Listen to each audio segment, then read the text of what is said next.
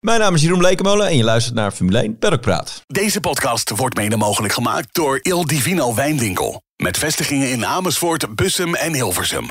Maar natuurlijk ook online. ildivino-wijnwinkel.nl Formule 1 Paddock Praat. Met vandaag... Coureur en analist Jeroen Blekemolen, onze chefredactie Frank Woestenburg. Ik ben Bas Holtkamp. Welkom. Vanaf de redactie van Formule 1 Magazine. Al 25 jaar het race magazine van Nederland. Is dit Formule 1 Paddock Praat. Nou, goedemorgen heren. Leuk dat jullie er allemaal zijn. Uh, vandaag gaan we uiteraard de Grand Prix van Spanje bespreken. Nou ja, misschien kunnen we er heel kort even zijn. Max kwam, zag en overwon. Ja, nou ja, genoeg leuke dingen om, uh, om het over te hebben, gelukkig. Maar uh, het was wel een, een staaltje machtsvertoon, ongekend eigenlijk weer. Ja, het, uh, hij liet duidelijk zijn spierballen zien het hele weekend. Elke training uh, snelste. De race ja, eigenlijk onaantastbaar. Ja, hij is gewoon oppermachtig nu hè. Ja, als je natuurlijk ziet dat hij ook daarna naar de harde band gaat, waar hij absoluut niet tevreden over was. Ja. Maar nog steeds een half seconde per ronde wegrijdt. ja, hij stond het hele weekend aan. Het is wel, denk ik, een circuit wat ook echt de Red Bull goed ligt. Het is vaak, uh, Barcelona is wel het circuit waar als een auto goed is, uh, dat die auto nog beter uit de verf komt. En ja. dat het op andere circuits dan weer uh, iets dichter bij elkaar zit.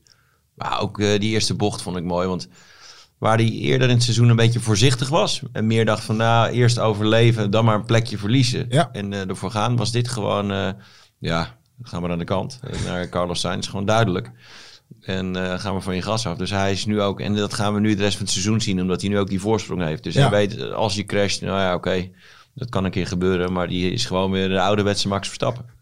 Ja, en, en, ik denk ook dat hij grote delen van de race ook gewoon op 80% uh, reed. Hè? En, ja. en dat zag je in de slotfase. Dan wilde hij toch die Grand Slam binnenhalen, dat extra WK-punt. En de snelste raceronde. Ja. En uh, nou, dan geeft hij even gas en dan is hij ook meteen uh, een stuk sneller. Hè? Ja, nee, die, dat, dat, dat, idee had ik zeker. Nou ja, ook als je zag dat in het begin van de race... Ik zit even te denken wie het was, maar er was een, uh, een rijder die meteen... Uh, oh, no Lennon Norris natuurlijk. Die had zijn vleugelstuk. Ja. Ja. En die ging daarna rijden op dezelfde band. En die was veel sneller een aantal ronden. En Ja. uh, dan weet je gewoon dat als Verstappen Ja. echt had gemoeten... had Ja. hij ook veel harder kunnen rijden. Ja, ja, dat denk ik ook. Maar het zegt heel veel natuurlijk. hè. Als je op 70, 80 procent, nou, laten we er een getal aan hangen. Als je, als je op dat niveau eh, rijdt en toch al zo domineert, ja, ja, dan staat er echt geen maat op. En eens Nee. met Jeroen dat dit circuit is natuurlijk wel eh, echt geschikt voor Red Bull. Maar goed, ik denk dat we ook eh, de rest van het seizoen eh, dat het eh, toch een beetje deze kant op gaat. Ja, daar ben ik ook bang voor. En Jeroen, je gaf net al aanval. Nou, als je op dit circuit goed rijdt, dan is het meestal een teken voor de auto dat hij wel hè, eh, eh, goed eh, in, eh, in orde is. Ehm, is dat een voorbode voor Mercedes? Want die eh, stonden er, ondanks de kwalificatie, nu ineens eh, heel goed bij in de race. Ja, ik denk dat zij echt een mooie stap hebben gemaakt. Natuurlijk een ander concept, die sidepods. Hebben veel veranderd aan de auto. Eh, inderdaad, dit circuit geeft best wel een beetje dan eh, andere verhoudingen. We hebben natuurlijk veel stratenraces gehad. Ja. Uh, maar ik denk ook dat met het nieuwe concept dat ze daar nog veel meer uit kunnen halen. Het is niet zo dat je in één keer de goede setup op die auto kan, kan zetten. Natuurlijk, je hebt simulatoren, simulaties die je allemaal doet, maar die zijn nooit 100% goed. Dus eigenlijk denk ik dat we veel kunnen verwachten. En ze hebben dat vorig jaar ook laten zien. Hè? Toen uiteindelijk op het einde van het seizoen, met name in de wedstrijd, werden Ja. ze heel sterk. En uh, nu ook zijn ze gewoon echt wel goed in de wedstrijd. Uh, ja, alleen Max is nog wel echt uh, een, een, grote stap vooruit. Maar misschien einde seizoen dat ze er toch wel weer staan. Dat zou, ja. zou leuk zijn ja, voor ik, het jaar. Ja. Ik hoorde een, een Britse collega van me, journalist. En uh, die was eigenlijk wel euforisch. En die, die feliciteerde ook Mercedes met, met de dubbele overwinning.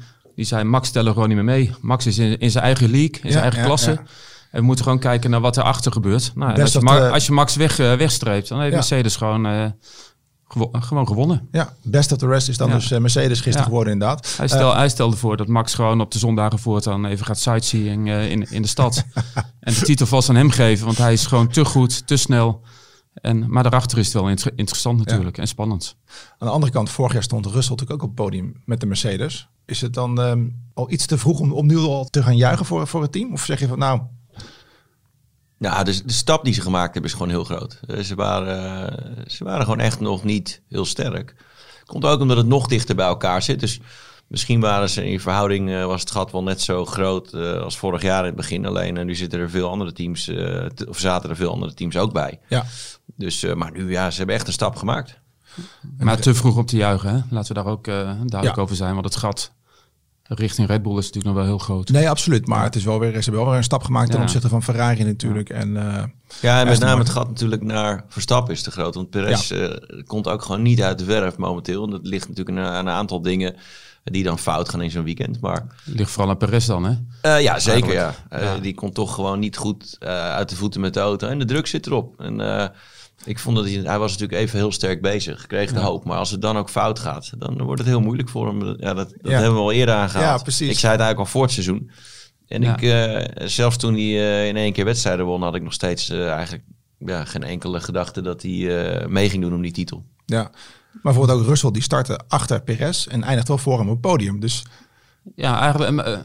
kijk, Perez reed best een, een prima race natuurlijk. Maar hij, hij verprutst gewoon zijn eigen weekend door, eh, in, de, in de kwalificatie.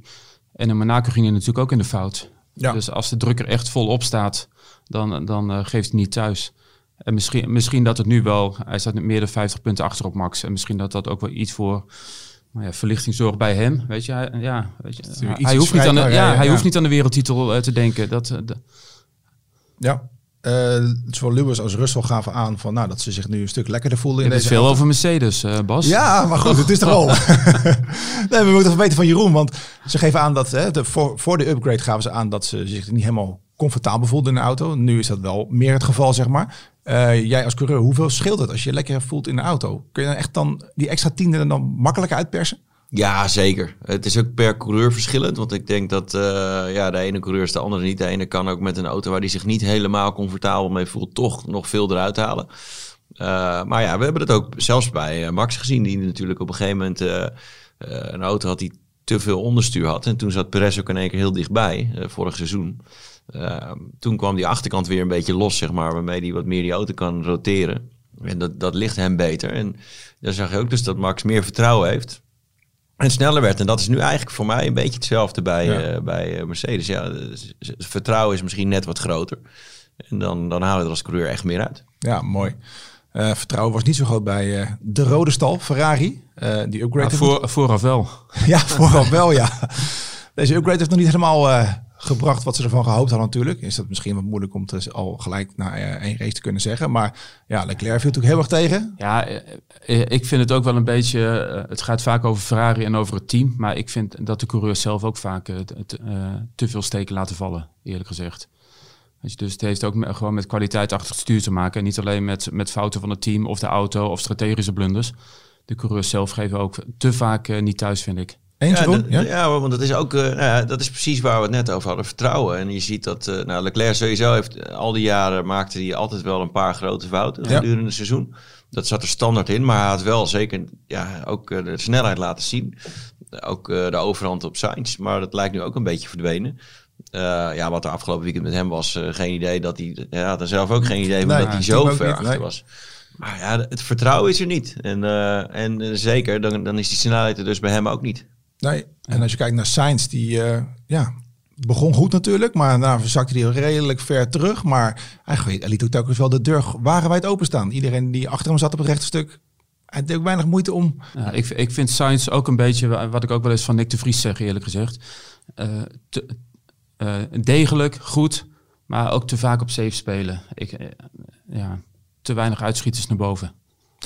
Ja, en jij gaf natuurlijk al in je column aan die eh, sinds deze ochtend op eh, onze website staat dat eh, ja, de tijd misschien een beetje begint te tikken voor eh Vasseur. Ja, goed, dat is, dat is natuurlijk afwachten. Je weet niet wat voor plannen ze hebben, hebben liggen. Ja, Hamilton, hè?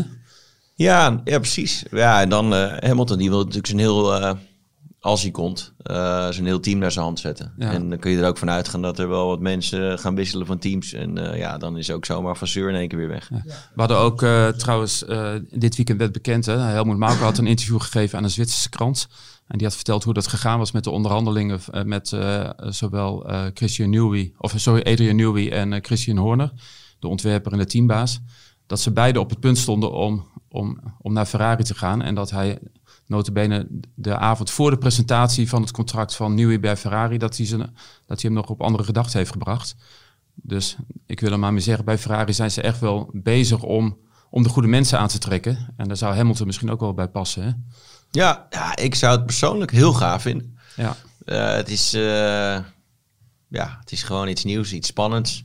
kan hij, kan hij dan nog zijn heel team naar zijn hand zetten? Is Ja. het, maar ja, wie weet. Het is natuurlijk wel, hij gaat wel, hij nadert een beetje het einde van zijn carrière. Dat is de, hij had het eigenlijk twee, drie jaar eerder moeten doen, denk ik. Maar ja, hij is nog steeds natuurlijk gewoon heel goed. Dus, Het is een eh, beetje de Vettel-route. Op een gegeven moment succesvol bij een team en dan toch nog even naar Ferrari, omdat iedereen een keer voor Ferrari wil rijden. Ja. Ja, Ja, Het zou leuk zijn voor de sport inderdaad. Het zou wat extra... Want ja, op deze manier gaan ze de titel niet eh, binnenslepen. De Nee, maar misschien moet je ook wel zo eerlijk zijn dat, dat, dat zowel Leclerc als Sainz goede coureurs zijn. Maar toch echt wel tekortkomen ten opzichte van Hamilton, Verstappen als coureur. Dus ja, als je dan echt, eh, eh, eh, echt wil gaan voor de wereldtitel, dan moet je ook een, een coureur hebben die erbij past. Ja. Leclerc is misschien wel van bijna hetzelfde kaliber. Maar wat je zegt, die geeft Maar maakt ja, net iets, nee. iets, iets te veel fout op jaarbasis. Waardoor je... hè, Dus niet. Nee, dus dan niet. Nee, Ja. Maar qua snelheid en... ja. ja, maar een weekend zoals afgelopen weekend, die zie je, ja, die hebben we bij Verstappen nog nooit gezien. Nee. Eh, letterlijk. Eh, in al die races die hij gedaan heeft. En bij Hamilton heb je wel eens een keertje gehad dat, je, dat, hè, dat hij een keer net niet helemaal lekker ging.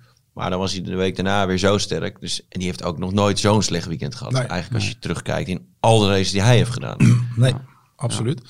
Ehm, de andere Nederlander, Nick de Vries. Nou, die heeft wel wat de, de, de, de stijgende lijn wat opgepakt sinds vorige race. En afgelopen race had hij ook, eh, ja, was hij eh, goed op weg. Maar tijdens de race viel het toch weer een beetje tegen. Ja, ik vind het, ja, ik kan net zeggen, ik vind dat wel te optimistisch. Ik bedoel, tuurlijk, hij, hij rijdt een eh, nette race. Alleen, eh, ik vind dat hij een beetje te, te krampachtig of te geforceerd naar lichtpuntjes zoekt. Want dan, dan, dan roept hij op een gegeven moment van ja, we, we naderen de top 10 of we, zijn bij Vlagen sneller dan Tsunoda. Tsunoda was gewoon dik in de top 10 geëindigd als hij niet die tijdstraf nog had gekregen. Ja. Die zitten wederom ver voor. Ja, eh, nog steeds vind ik dat hij veel te voorzichtig rijdt, eh, Nick. Bij de start ook. Eh, ja, laat je tanden zien. En dat ontbreekt, vind ik. Ja, ja, hij heeft het gewoon nog moeilijk. Eh, het is wel eindelijk zo dat hij natuurlijk gewoon nu eh, een soort van normaal weekend had. Eh, in de zin van nou ja, een, een, een redelijk goede kwalificatie. En een redelijk resultaat in de race. Maar ja, er staat wel gewoon een teamgenoot voor. Tuurlijk kwalificatie niet, maar we weten ja, die tijd van uh, afgepakt. Nick had wel verkeer, dus het gat was niet zo groot als dat het leek. Want hij was 18e sneller. Ja. Tsunoda, maar dat, dat was kleiner geweest. Maar had er wel voor gestaan. Ja. ja, daarom. En als het een normaal weekend is, dan kan je ook concluderen, dan is het gewoon niet goed genoeg. Nee, hij moet eigenlijk, hij moet nu echt een keer eh, gewoon echt een topweekend hebben. Ja. Om het om te kunnen draaien. Maar dat, dat blijft heel moeilijk. Ik denk wel dat hij uh, langzaam. Nou, je ziet wel dat het langzaam beter gaat. Maar uh, langzaam is een, een woord wat uh, eigenlijk beter niet gebruikt wordt in de autosport. nee, nee, precies. Nee. Nee. Maar denk je dat hij, dat hij door deze twee, twee weekenden, dat, dan, dat daardoor de druk wel iets meer van de ketel is uh, bij hem? Ja, geen idee. Het is. Ik denk dat hij zichzelf ook veel druk oplegt. Dat zit gewoon in zijn karakter. Uh, je hebt gewoon rijders die heel relaxed zijn. Nou, daar is natuurlijk Max Verstappen het ultieme ja. voorbeeld van. Die maakt zich nergens druk om, uh, lijkt. Dat is natuurlijk ook niet helemaal waar. Want die, die zijn uh, stiekem achter de schermen ook wel soms nerveus of de, onzeker. Ja, en Max maakte zich in zijn jonge jaren, tenminste zijn eerste jaar bij Toro Rosso, wel druk natuurlijk. Hè? Die rivaliteit met Sainz. Ja. Alleen het grote verschil was, hij werd er alleen maar sneller van. Ja. Op de baan agressief en hij leverde. En, bij Nick, ja. Ja, maar het is... Uh, je ziet heel veel verschil tussen coureurs daar. Ik zat toevallig gisteren met uh, Christian Albers te praten. Die uh, eigenlijk zei dat hij heel blij was dat hij niet meer race. Want hij vond de druk heel groot. En toen zei ik ook tegen hem... Ik heb toen de tijd DTM tegen hem gereden. Ja. Ik zeg, het was niet normaal eigenlijk hoe, weet je, hoe gespannen jij was altijd. Ja. En, en hij, hij presteerde wel heel goed hoor. Ja. Maar die druk was op zichzelf was enorm. En dat is precies eigenlijk wat je bij bij Nick ziet. Alleen ja, dat moet je zelf ook gaan realiseren en om weten te draaien naar een soort van relaxed persoon. Ja, en dat, uh, nou, dat sprak ik natuurlijk laatst ook met uh, Guido van der Garde. Die zei precies hetzelfde, dat hij echt uh, verkrampt hierdoor. En dat hij, ja, dat is zonde, want hij heeft de snelheid wel, maar ja. Ja, en kijk maar naar zijn carrière toen hij bij McLaren reed in de autosport. ja, natuurlijk, hij deed echt wel goede dingen. Het was, anders zit hij ook niet in de Formule 1, anders was hij ook geen McLaren-rijder. Maar toen stond de druk er volop en toen ging het niet, ja, hij won geen kampioenschappen. Toen werd hij er daar uitgezet en Ron Dennis ging weg. En daarna uh, was hij ineens heel relaxed. Ging hij ook andere dingen doen. Uh, natuurlijk uh, lange afstandsraces en zo. En Formule 1. Maar gewoon alles wat hij deed was hij echt super snel. Ik heb hem ra races zien rijden, niet normaal. En nu is hij weer, ja, weer Formule 1 coureur. En de druk staat erop. Ja. Dus ja, ander verhaal. Ander verhaal inderdaad. Ja, ja. ja, de vraag is hoe verder hè? Als jij zegt van zorgen deze twee races, Monaco en Spanje, voor verlichting bij, bij hem? Of... Vraag het me af, eerlijk gezegd. Ik, eh, de druk staat er nog steeds volop natuurlijk. Hij weet dat zijn stoeltje onzeker is. Misschien ook wel, eh, nou ja.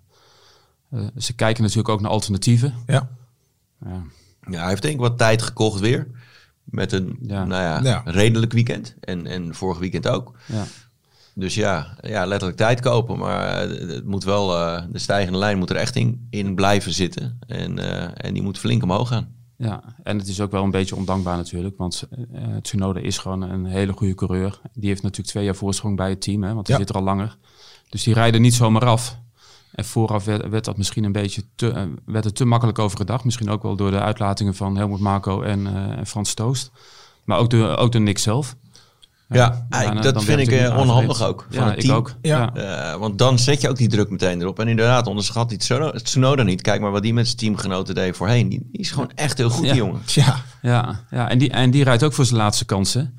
De, Ja, zijn precies. contract loopt Ja. af. Hij, hij moet het nu ook laten zien. Ja, En hij maar- laat het zien. Ja, en, eh, ja, ik bedoel, eh, luister naar zijn boordradio's. Hij zit er ook gewoon, hij zit er volop. Zeg maar. Ja, hij ja. had echt geen... En misschien soms nog wel te agressief. Hè? Ja. Ja. Nu ook een, een actie die gewoon niet handig was. Maar ja, beter dat dan, eh, dan te langzaam. ja. Uiteindelijk heb- moet je ook richting het team. Hè. Je moet ook laten zien dat je agressief bent, dat je er volop zit. Dat, en dan eh, door eh er werken een paar honderd man bij zo'n team. Die, die willen ook een coureur zien die er vol voor gaat. Hè. En beter dat het dan een keer fout gaat, dan dat je net altijd voor de veilige, eh, veilige optie gaat. Ja, ja, zo werkt het. Die, die, Ja. die- het team, al die monteurs omheen, die horen dat ook. En die, eh, die worden ook gewoon gemotiveerd. Die, die gaan ook een stapje harder lopen. Ja. En, en dat, dat, dat lijkt, ja, een stapje harder lopen, hoe dan, wat dan. Maar dat werkt uiteindelijk wel gewoon zo. Ja. Eh, een stapje minder hard liepen ze afgelopen weekend bij Aston Martin. Eh, Leuk geen, bruggetje. ja, ik dacht. Eh, ja, geen Fernando Alonso op het podium. Eh, ja, de, de, de tribunes die kleurden helemaal groen. Iedereen is, ja, is natuurlijk mega populair op dit moment. En eh, ja, het zat niet helemaal mee voor het team deze keer. De kwalificatie ging niet lekker en kwam er niet helemaal aan. Nou ja, Stroll deed het natuurlijk wel goed. Hè?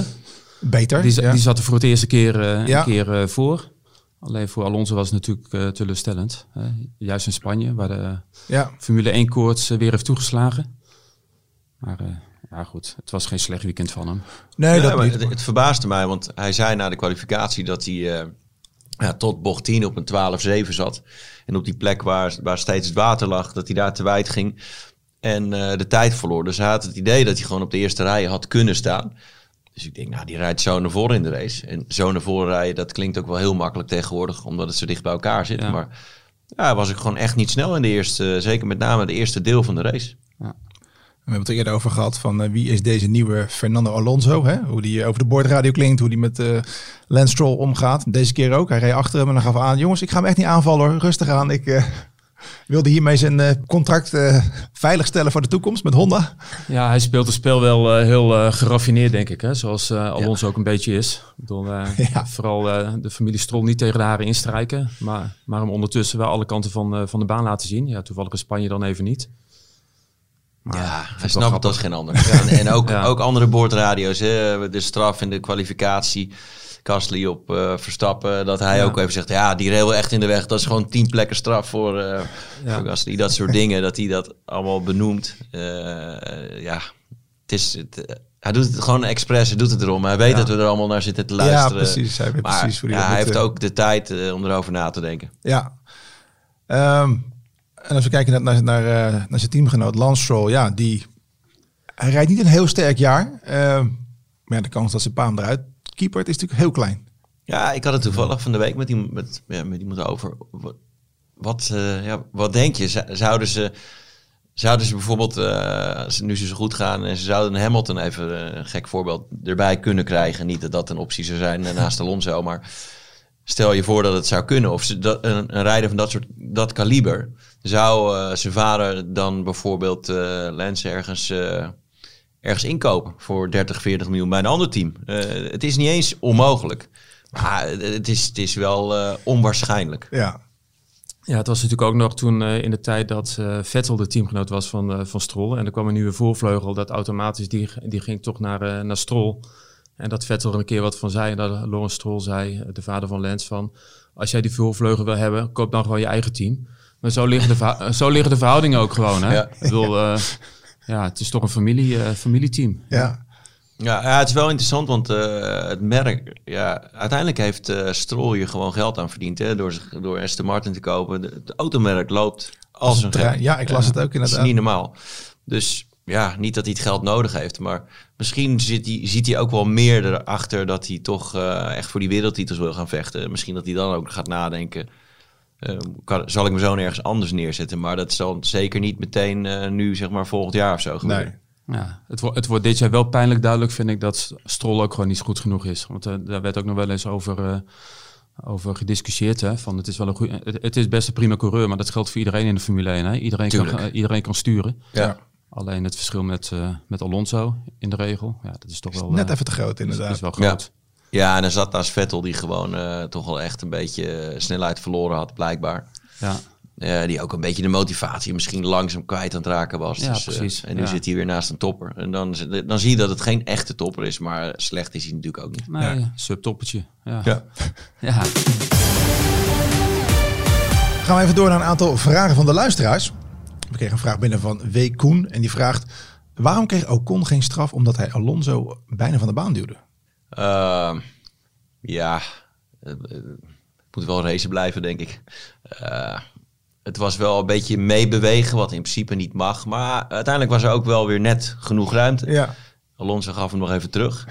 Misschien had hij dat ook niet moeten doen, want Alonso ja, deed echt nog even een, een aanwijzing van... hé, hey, uh, dit is niet de bedoeling, hè? Ja. Uh, en misschien als hij dat niet had gedaan, uh, hadden ze wel gezegd... ja, er is echt één iemand hier schuldig. En nu had je eigenlijk twee die elkaar een beetje... Een beetje, dus... Maar ik vind het ook mooi. Het is, er is verder niks gebeurd. De ruimte was er, de inhaalactie lukte. Het, ja, het is Formule 1. Er mag wel hard gereisd worden. Helder. Ik heb ook nog even een vraag, oh, als het mag, tuurlijk. aan Jeroen.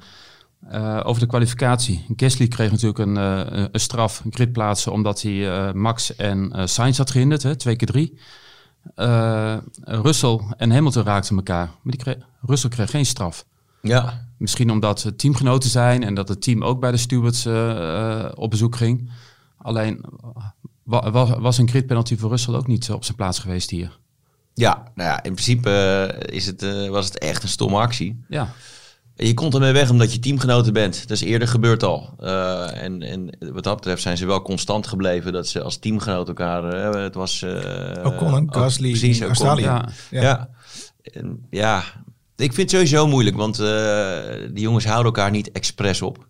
Uh, we worden alleen maar geklaagd. Hey, maar Gasly zal het ook niet expres hebben gedaan. Nee, dus er moet wel opgelet worden. Want het moet ja. wel vooral met name die kwalificatie moet echt eerlijk blijven. Kijk, in zo'n vrije training lo lopen ze ook vaak allemaal te zeuren. En dan denk ik, ja, weet je, dan is je rondje maar wat langzamer. Het gaat nog nergens om, dus nee. ze loopt niet te zeuren. Uh, ja, je kan er wat van zeggen. En natuurlijk, daar doen ze ook geen straffen voor. Dan is het een waarschuwing, ook terecht. Kwalificatie, ja. Het hoort bij het spelletje tegenwoordig. Dus uh, ja, ik vind eigenlijk wel zo'n actie van Russell, daar, daar kun je wel wat mee doen, ja. Ja, maar als het niet bij Hamilton was geweest, maar bij, uh, bij, bij, iemand anders, had, ja, had hij, had hij een straf gekregen. Ja. En een flink ook, want dit ja. is natuurlijk gewoon iemand op het rechtstuk uh, van nee. de baan rijden. Nee, maar dan is het toch wel bijzonder dat het feit dat je uh, teamgenoten, dat je een teamgenoot raakt, dat je er dan wel mee wegkomt. Terwijl in de regels zal het niet benoemd staan. Je mag wel een teamgenoot raken. Ja. Hè, dat staat er niet. Nee, ja, het is sowieso, ik vind het sowieso de wedstrijdleiding soms nog een beetje stroef werken met... met het is lastig, want er zit een vergrootglas op en ieder team ja. heeft altijd zijn eigen mening. Iedere rijder heeft zijn eigen mening. Dus ze krijgen ook heel veel om en door. Maar ja, ik denk dat, het, ja. dat er misschien op een aantal plekken wel betere mensen te vinden zijn. Maar ga ze maar vinden, want het is, het is gewoon een, wel moeilijk werk. Ja, ja. oké. Okay. Nog een vraag van Paula B. Waarom heeft het sidepod type van Red Bull meer ontwikkelingsmogelijkheden dan de andere? Ja, ik denk dat zij gewoon uh, als basis... Uh, een beter concept hebben neergezet. Dat is nu het moeilijke. Je kan niet een hele nieuwe auto neerzetten meer. Nee. Met, de, met de budget cap. Dus ja, toch, toch het hele team erachter is gewoon slim geweest. Een heel ander concept, hè. Want ze kwamen natuurlijk van uh, een punt waar ze eigenlijk altijd te langzaam waren op het rechte stuk. Ja. Met de vorige generatie auto's. In één keer naar, uh, daar hebben ze goed over nagedacht. Die auto moet vooral uh, rechtdoor hard gaan, zeg ja, maar. Ja. En, en dat gaat hij. Ik bedoel, dat is hun, hun absoluut hun sterke kant. Nou, we schakelen nu even over naar onze verslaggever uh, ter plekke. En dat is uh, Mike Mulder. Mike, hoe is het? Goedemorgen Bas. Goedemorgen. Zonder, zonder Spanje. Ah, nu wel. De race is voorbij en uh, de wolken zijn weg. nou, ik, ik, moet je eerlijk zeggen, Bas. De, de, de ochtenden, ook de afgelopen dagen tijdens het Grand Prix weekend, begonnen altijd wel redelijk zonnig. Uh, ik ben natuurlijk nu niet op het circuit, maar ik zit een uh, 20 minuten, 25 minuten van, van het circuit verwijderd in een hotel. Ja. op het circuit de afgelopen dagen kwam de zon ook wel tevoorschijn s ochtends. Alleen dan zag je in de verte wel wat buien al hangen. En die kwamen gaandeweg de dag dan dichterbij. Ja. Met, met natuurlijk uh, regen uh, op, op, op vrijdag zaterdag. Maar gelukkig bleef het uh, zondag droog. Alhoewel George Russell daar geloof ik anders over dacht. Maar... dat was mooi hè? Oh, oh. Ja, fantastisch. ja, ja. Iedereen dacht van ja, gaat het toch nog een leuke race worden? Nou, druppels, druppels, maar... Ja, wij, wij, zitten natuurlijk in zo'n mediacentrum. En, en dan ja. ben je druk aan het meeschrijven en aan het, aan, aan het zitten en aan het kijken hoe zo'n race zich ontwikkelt. En ook daar heb je natuurlijk de televisieschermen boven je, boven je hoofd hangen. Waarop je kunt zien wat, wat er op de, op, op de baan gebeurt. En af en toe komt er dan ook een boordradio door. Dus op een gegeven moment hoorden wij de boordradio van George Russell. Dat hij uh, aankondigde dat in bocht 5 uit mijn hoofd uh, hij wat druppels voelde. En of het ging regenen. Dus iedereen zat om zich heen te kijken van, huh, wat? Wat gebeurt hier? En nou, natuurlijk meteen naar het raam, op het lange rechte stuk en te kijken. Nou, niks aan de hand. En uh, toen bleek dus inderdaad dat het, uh, volgens mij, ik heb het niet, ik heb de afloop niet gehoord, maar dat het ging om, om zweet op zijn hoofd. Ja, wat twee druppeltjes die bij het ja, uh, aanremmen volgens ja. mij op zijn vizier terecht kwamen. dus precies, nou, iets met een dode mus. Um, vertel, hoe was de sfeer na afloop van de race? Want jij zit met je neus pal op de actie. Ja, ja we zitten, we zitten uh, boven de, de, de, de, garages van de teams. Uh, letterlijk bo ik zat ik boven de garage van Red Bull. En daar was natuurlijk een, een, een, een groot feest na afloop. 40ste overwinning. Ja. 40ste overwinning voor, voor Verstappen. Volgens mij de 99ste uit mijn hoofd van Red Bull zelf. Dus die gaan op naar de 100.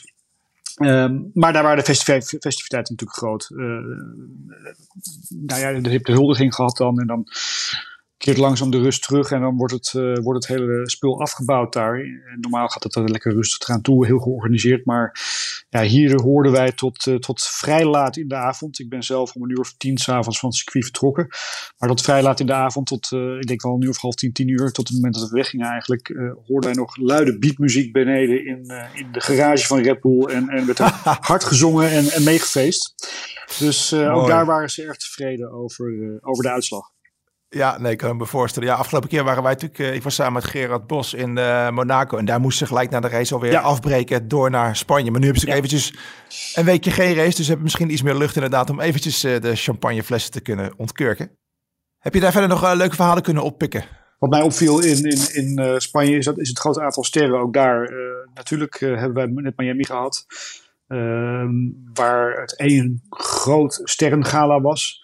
Uh, ik sprak uh, de, de, de, de directeur van Spanje dat, uh, dat inmiddels de Formule 1 onderdeel is geworden van de show. Het, gaat niet meer, het is niet meer de Formule 1 en daaromheen een paar shows. Het is de show en daar binnen heb je de Formule 1. En dat zag je ook in, in Spanje met, het, uh, met een heel erg hoog gehalte aan, aan, aan sterren. Veel voetballers natuurlijk. Uh, Mbappé was er, Neymar was er, Sergio Busquets was er. Maar ook uh, zangers en zangeressen. Veel lokale Spaanse helden. Shakira liep er onder andere ja, rond. Shakira, ja. gezien. Um, en dat is natuurlijk fantastisch om te zien, omdat het ook wel weer een, extra dimensie aan die sport brengt. Maar ik heb gesproken daar met, met de grote man van, van, de, van de, de Spaanse televisie die de, de, de Formule 1 uitzendt. Dazon heet dat, die zender. En die zei ook van ja, we moeten wel gaan oppassen. Hij was zelf ook in Miami geweest. Hij zegt, we moeten echt wel gaan oppassen dat het niet meer om de, de, alleen om de show draait. We moeten echt gaan kijken wanneer houdt de show op en wanneer begint de sport. Dus ook daar proefde je wel enigszins in de paddock dat het, uh, dat het allemaal heel erg leuk is. Dat de Spaanse Grand Prix weer leeft. Uh, een jaar vier, vijf geleden was die, uh, voor corona eigenlijk, was de Spaanse Grand Prix op sterven na dood. En het is nu weer helemaal levend. natuurlijk vanwege de successen van Fernando Alonso en Carlos Sainz bij Ferrari. Maar er moet ook daar wel opgepast worden dat het, dat het niet alleen maar om show gaat. Had jij nog een leuke anekdote op de weg terug, Mike? Ja, nou, ik moet zeggen, ik, ik heb het is, uh, Spanje is altijd een, een, een, heel lastig om te komen. Het is, het is op zijn Spaans georganiseerd, heerlijk uh, chaotisch altijd. En, en nou ja, vrijdag en zaterdag, als er wat minder mensen op de tribune zijn, en, dan valt het wel mee om in, op het circuit te komen vanuit je hotel. Wat ik al zei, de, de rit van mijn hotel naar, naar het circuit duurt ongeveer 20, 25 minuten normaal. Uh, zondagochtend ben ik redelijk vroeg weggegaan. Want ik dacht al van, nou, dit, kon wel eens problemen op veroorzaken op zondag. Dan is het altijd verschrikkelijk druk. Dus ik ben om nu of half negen uh, vertrokken. Ik denk, dan ben ik ongeveer negen uur, half tien wel op de circuit. Dat is prima. Uh, maar ik belandde uiteraard belandde ik in, in de grote file die uiteindelijk uh, anderhalf, twee, nou, twee uur duurde. Ik was om half elf pas, oh. half elf pas op het circuit. Maar goed, dat, is, dat, is, dat, dat, dat, was, dat was op zich, nou ja, oké, prima. Uh, het, het, leuke was dat op een gegeven moment stond ik stil in die file en ik zag vanaf de, vanaf de andere kant, waar de weg vrij was, zag ik een, een, een, een, wielrenner aankomen fietsen. En ik zat even te kijken en ik denk, en ik denk, wat, wat is dat voor een shirt joh? Een shirt, wit shirt met een, met een blauw kruis erop. En ik keek eens wat verder, keek eens wat verder. En eigenlijk pas bij, toen, hij, toen de, wielrenner in kwestie mij voorbij was, herkende ik wie het was aan zijn mat. Dat was namelijk Valtteri Bottas die nog eventjes vlak voor zijn uh, optreden in de Spaanse Grand Prix een, uh, een opwarmrondje op zijn, uh, op zijn, op zijn, wiel, op zijn racefiets aan het, aan het maken was. Dat was erg grappig om te zien. Oh, wat lachen joh. Ja, leuk, leuk. Gewoon, gewoon tussen het verkeer door, geen enkel probleem, op zijn fietsje en even een rondje fietsen. Hij is natuurlijk een vervent, vervent wielrenner ja. vriendin uh, Tiffany Cromwell, ook een uh, bekende uh, wielrenster. Dus waar het mogelijk is, zit hij op zijn fiets. Nou Mike, bedankt voor je input. En nou, dat waren wel leuke verhalen. Spreek snel weer. Adios, zeggen ze dan hier. Adios, hoi hoi.